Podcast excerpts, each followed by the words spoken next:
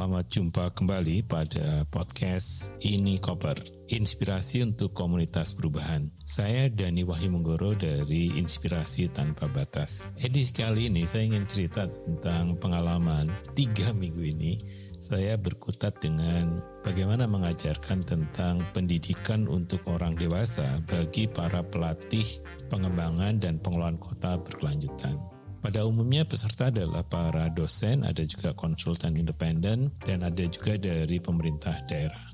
Pelatihannya seluruhnya online dan karena itu sebenarnya materi ini dulu dikembangkan untuk para pelatih virtual atau pelatih daring. Di dalam pelatihan ini sebenarnya memberikan pertanyaan ulang kepada saya tentang apa itu sebenarnya melatih.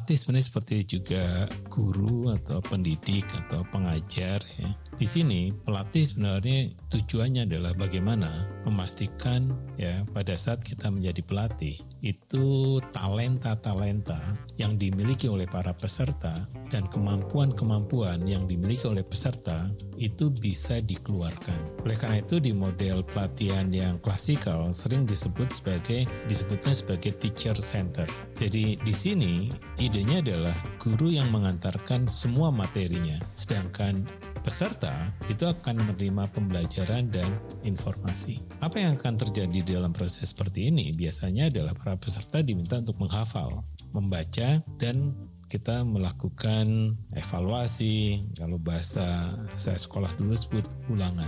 Pada proses-proses berikutnya, pelatihan ini juga berkembang menjadi semacam pembelajaran yang basisnya adalah kompetensi. Fokus pada model pembelajaran yang yang kompetensi seperti ini, yang fokus pada kompetensi, itu kita banyak berlatih tentang bagaimana memecahkan suatu masalah. Jadi studi kasus itu menjadi andalan di dalam kelas-kelas seperti ini. Selain itu juga pelatih bisa juga memberikan perspektif tentang critical thinking.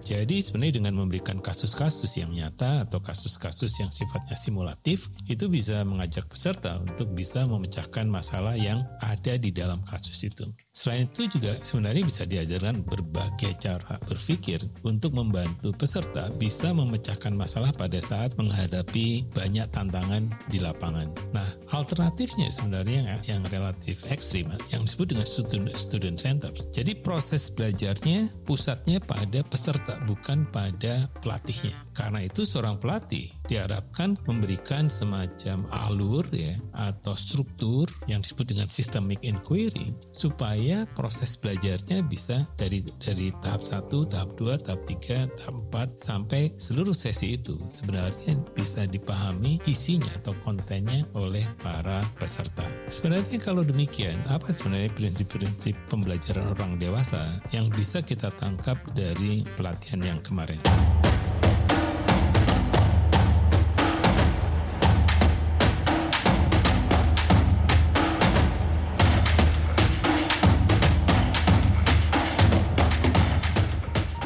Sebenarnya ada beberapa poin penting yang ingin saya sampaikan pada apa semacam refleksi ya. Kalau kita ingin belajar dewasa memang memang ada perdebatan apakah orang dewasa model belajarnya berbeda dengan anak-anak. Bahkan kemarin saya dengar ada seorang guru PAUD menyatakan emangnya gampang ngajarin anak-anak gitu. Seolah-olah yang susah tuh kalau ngajarin orang dewasa. Di dalam prosesnya sebenarnya adalah akhirnya itu mengalami konvergensi ya bahwa pedagogi dan anda andragogi itu juga teorinya tidak statis, berkembang terus.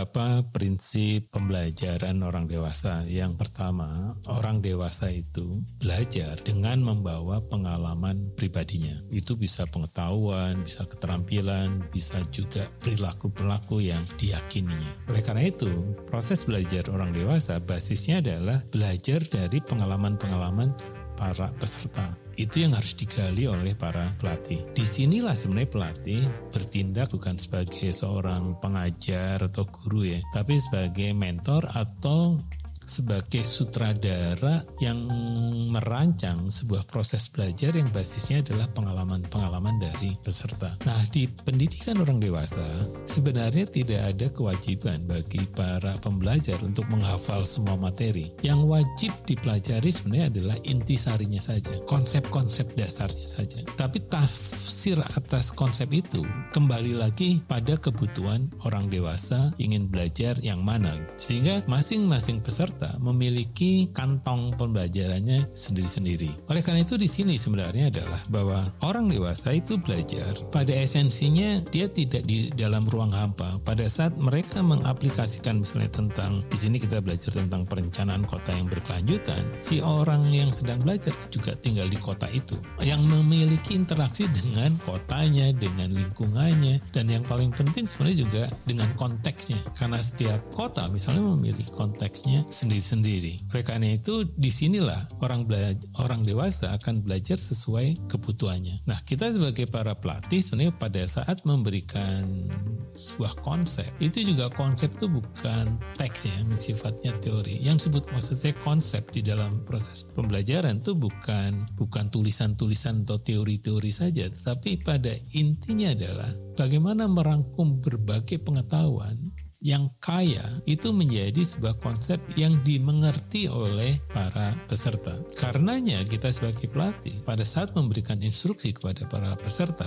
itu selalu berbeda-beda sesuai dengan konteksnya. Jadi saya selalu setiap sesi tergantung konteksnya. Kadang tidak sama setiap sesi cara memberikan instruksinya. Di sinilah sebenarnya seorang pelatih akhirnya harus kreatif menciptakan alat bantu yang sesuai dengan konteks, konten, dan juga kontes dari cara kita menyampaikan proses belajar yang kreatif.